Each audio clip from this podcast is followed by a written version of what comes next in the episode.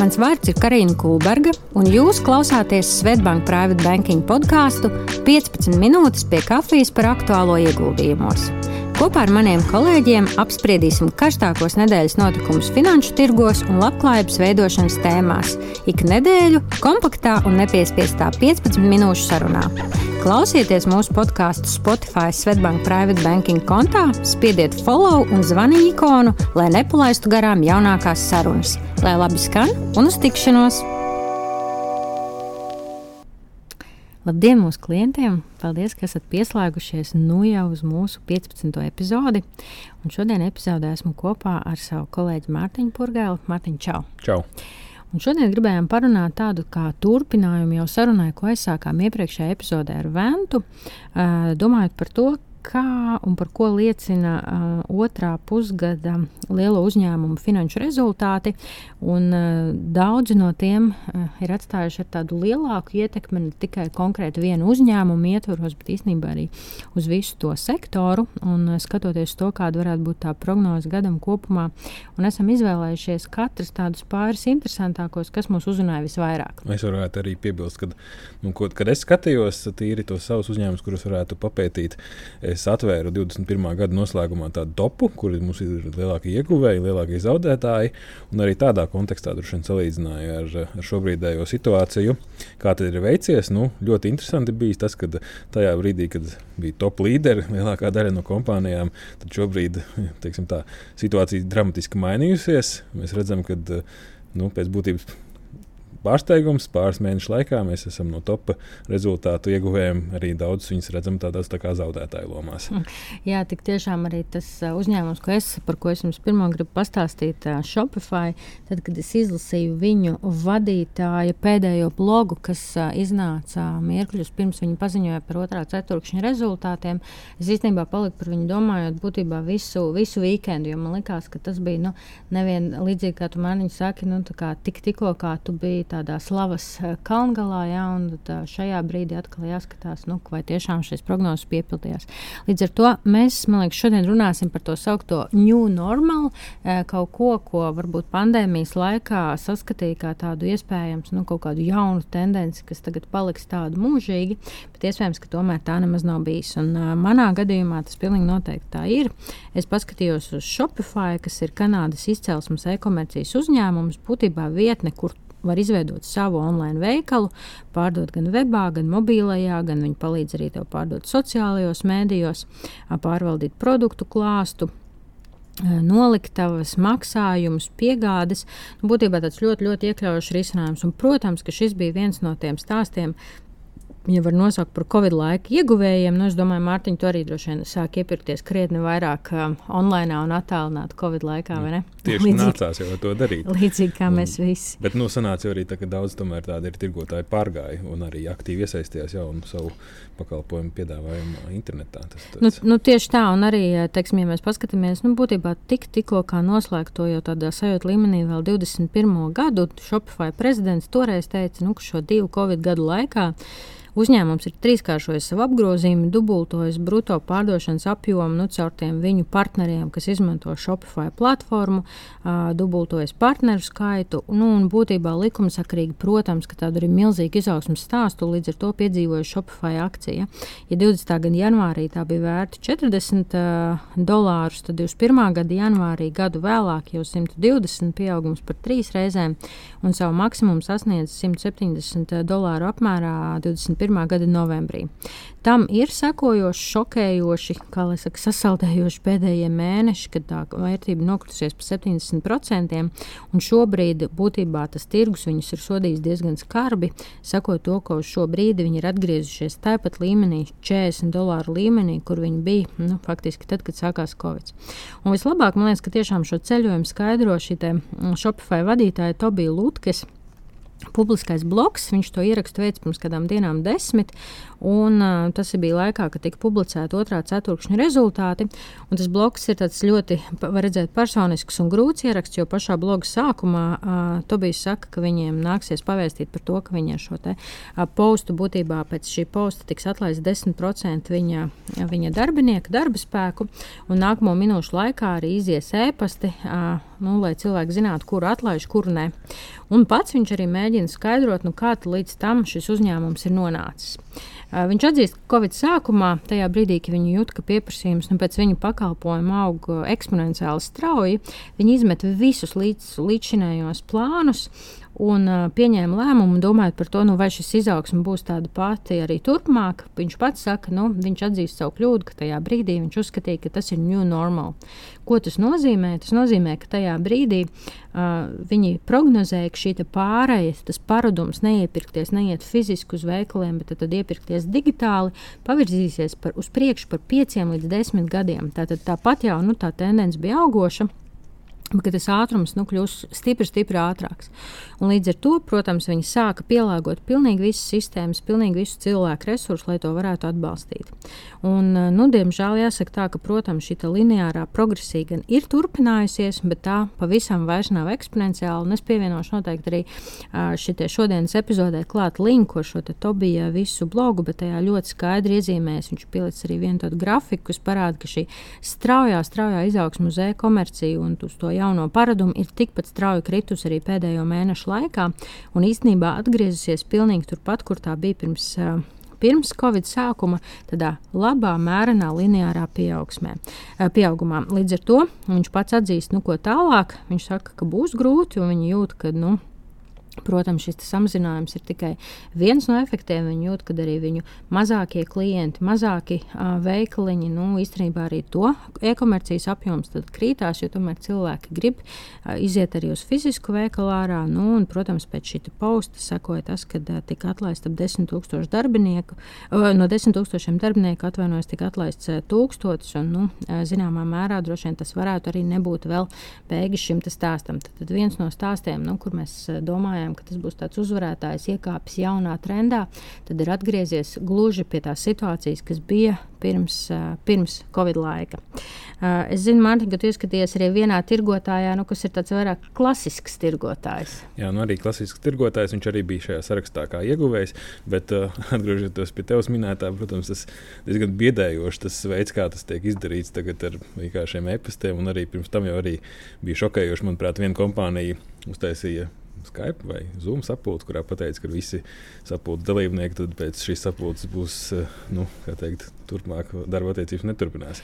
Man, man vispār jāsaka, tāpēc arī saku, tu izlasot to blogā, to ierakstu, man radās tik daudz pārdomas, ka es domāju, visas teiksim, brīvdienas, jo tur arī bija nu, tas, ko es neieskicēju, bet tur bija arī ļoti interesanti detalizēti pateikts, tātad, ka uh, dažādi šīs mēbeles, ko jūs paņēmāt līdzi no oficiāla, tad, kad sākāt strādāt attālināti, varēsiet atstāt mājās, bet nu, kompija gan būs jānes atpakaļ uz darbu. Tā kā nu, diezgan, diezgan brutāli. Jā, nu, jā jācer, ka uh, varbūt tā, tas neies tādā praksē.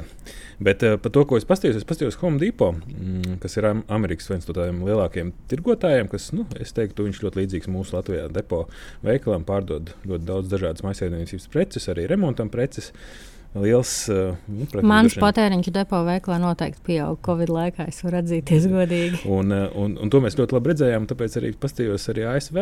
Tieši tāda pati situācija. Viņiem pieder 2300 veikali. Viņi skaitās lielākā tāda veida ķēde. Uh, Covid ietekme. Tieši tā mājās paliek cilvēki, viņi iepirkās arī stipri vien vairāk šajā veikalā. Nu, cena uzlēc līdz 415 uh, dolāriem, bet nu, pēc pandēmijas tomēr tāda.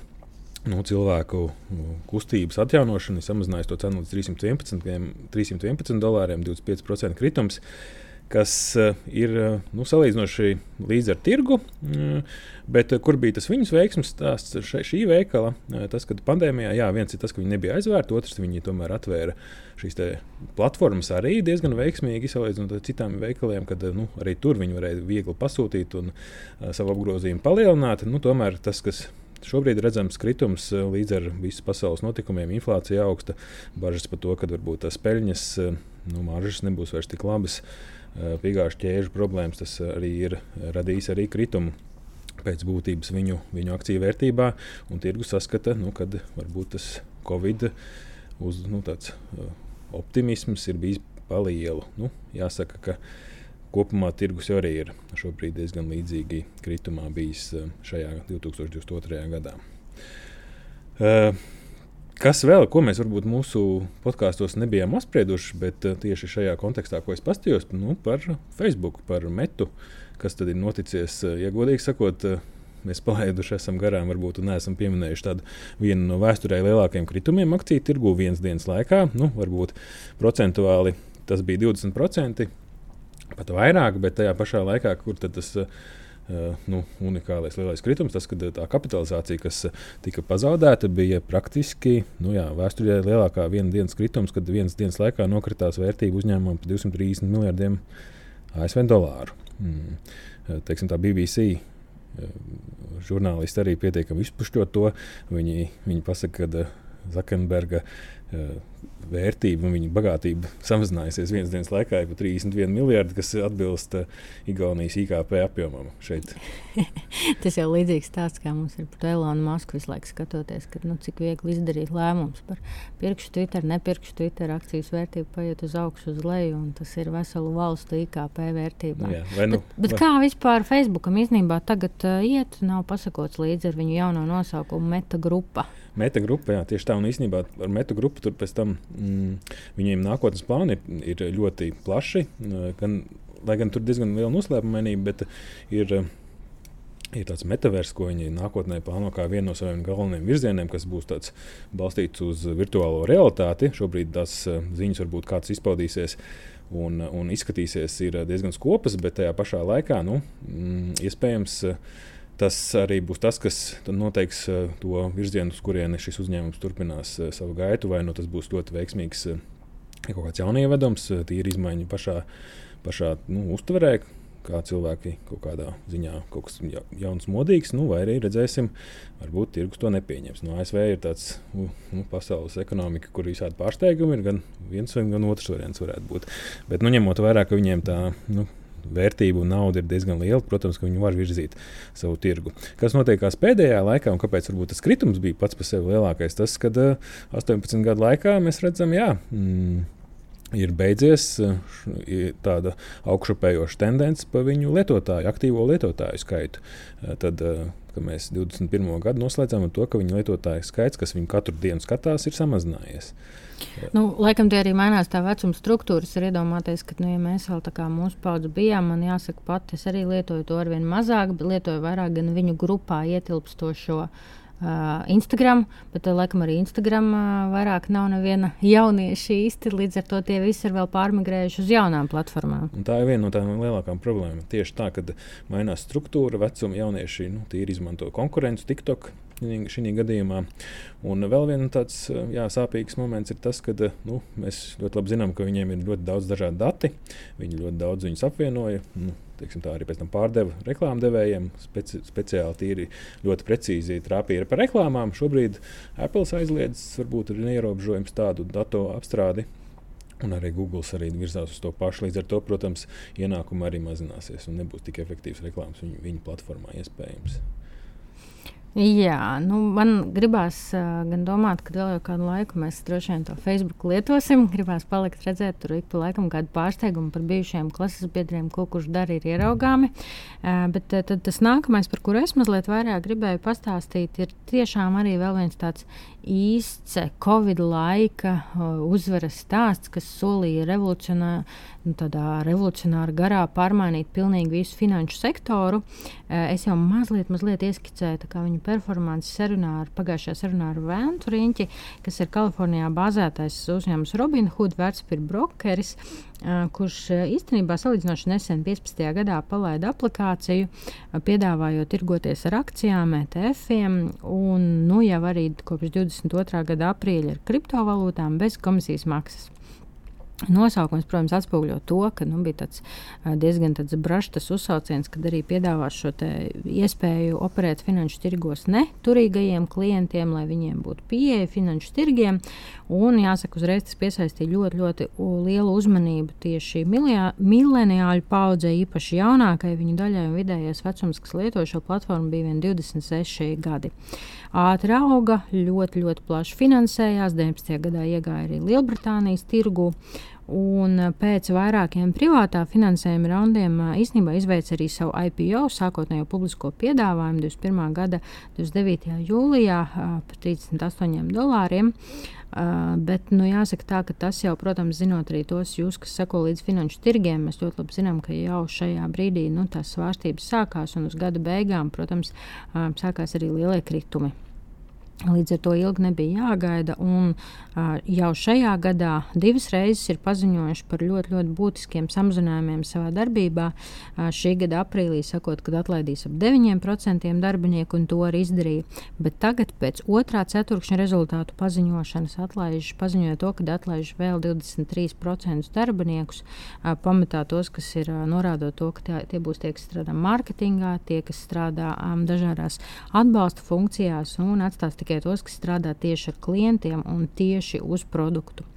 Un kopumā, nu, protams, kad pēc tā sākuma mm, plašā stāsta par šo pieeju visiem klientiem, finanšu tirgiem, iespēju tajos strādāt, jāsaka, ka uh, īpaši pēdējā laikā nu, regulātori viņiem pie, pievērsuši ar vien vairāk uzmanības, un pirms nedēļas burtiski viņi ieguva jaunu sodu par 30 miljoniem par šo naudas atmazgāšanas riskiem un pārkāpumiem, kas atklāti tieši šajā kripto nodaļā.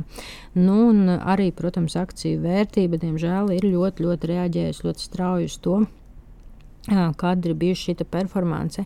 Un, ja tā pati augstāko līmeni sasniedz 21. gada augustā, tad, tad īstenībā precīzi pirms gada, nu ne precīzi, bet plus mīnus pirms gada esot ap 55 dolāriem, Tad jau gada beigās tie bija 19, un ap šo brīdi, šī gada augustā, tie ir vien kādi 9. Un kā savā arī blogā pie mm, ceturkšņa rezultātu paziņošanas 2. augustā teica viņu vadītājs Vlads Treņevs, ka nu, šajā aprīlī samazinot darbinieku skaitu, viņi nebija pietiekami agresīvi, līdz ar to viņiem ir jā jābūt vēl agresīvākiem uz izmaksu griešanu, jo ienākuma apjoms nu, nav atbilstošs tam, ko viņi cerēja. Viņi redz, ka liela efekts ir gan inflācijai, gan arī šim sauktiem kripto krašam vai nu, būtiskai vērtības, vērtības samazinājumam kripto aktīvu pasaulē. Nu, arī šeit, līdzīgi Mārtiņa, kā tu teici, ir šokējoši, bet arī šeit notika tas pats kad Latvijas treniņš arī savā šajā blogā solīja to, ka visi saņems e-pastu un arī slēgā mēsīču par to, kāds ir jūsu status, vai turpināsiet darbu vai nē. Bet, nu, protams, ja tie ir, bija mm, pavasarī 9%, tagad tie ir jau 23%. Nu, katrs ceturtais saņems droši vien arī ziņu par to, ka tas nav nemaz tik galīgi iepriecinoši.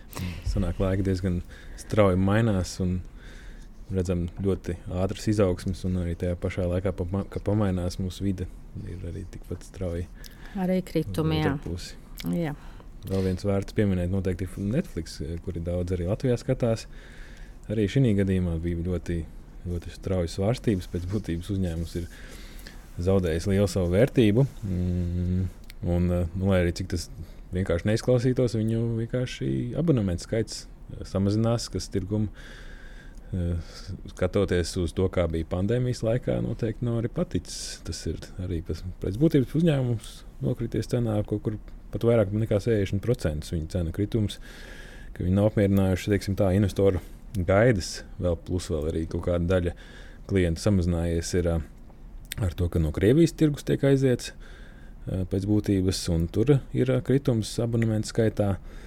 Nu, šis ir, ja godīgi sakot, pietiekami daudz līdzības ir šajos visos uzņēmumos, ko mēs redzam. Attiecībā, nu, kāpēc viņi varbūt vairs nav tik pievilcīgi un nemaksā tik daudz un viņi krīt stipri vien vairāk nekā tirgus. Jā, nu, un te vienkārši vēlreiz ir vērts atgriezties pie tās uh, vecās labās patiesības, ko arī mēs vienā no iepriekšējām epizodēm apspriedām. Ka, protams, noteikti ir vērts sekot līdz tam, kas notiek tirgu un kaut kādas pozīcijas pamainīt, bet noteikti jāatcerās arī par šo diversifikāciju. Noteikti kaut kāda daļa savu līdzekļu jāiegulda nu, teiksim, tādos pietiekami diversificētos portfeļos, varbūt nesekojot pilnībā tikai tai tendencē, nu, kad nekad ne Shopify nekritīs un ka nekad nekritīs Netflix un ka tas ir new normal Jo, kā mēs redzam arī šajā uh, Covid epizodē un stāstā, un šodien runājot par šiem pieciem uzņēmumiem, tad tā situācija pietiekami ātri no tādiem skaļiem lozungiem par uh, new normal īstenībā atgriežas uz to uz to punktu, nu, kurā tā, tam vērtējumam var būt, kur viņš ir bijis objektīvāks. Skaidrs, ka ja bija iespēja pārdot, vai bija nu, kaut kāds redzējums, ka tajā brīdī tiešām ir sasniegts tas augstākā vērtība, tad droši vien klienti ir izmantojuši ļoti labi to iespēju. Bet nu, pietiekami daudz jau iegāja droši vien arī tajā brīdī, kad bija tiešām šī skaļās ziņas un ka tā vērtība bija pašā augstākajā punktā. Nu, tur ir jāpiebilst, ka redz, nu, tas pats Netflix jau arī daļēji cenu krīt dēļ konkurences Bet nu, nozīmē, ka, ja viņi zaudē, ka kāds varbūt iegūst. Nu, Diversifikācija tu... tieši tā kā tu saki. Palīdz. Jā, viņš izlīdzināt to situāciju. Nu, labi, paldies. Cerams, ka jūsu epizode bija interesanta. Un tad jau tiekamies atkal nākamnedēļ. Tā. Paldies, tā. Audio saturā dzirdētā informācija nav uzskatāms par ieguldījumu konsultāciju vai ieteikumu slēgt finanšu tirgus darījumus vai ieguldīt finanšu instrumentos. Paldies, ka noklausījāties mūsu sarunu šodien. Atgādinu, ka, lai nenokavētu jaunākās epizodes, spiediet follow un zvaniņu ikonu Spotify kontā Svetbank Private Banking, lai laba diena un uz drīzu tikšanos!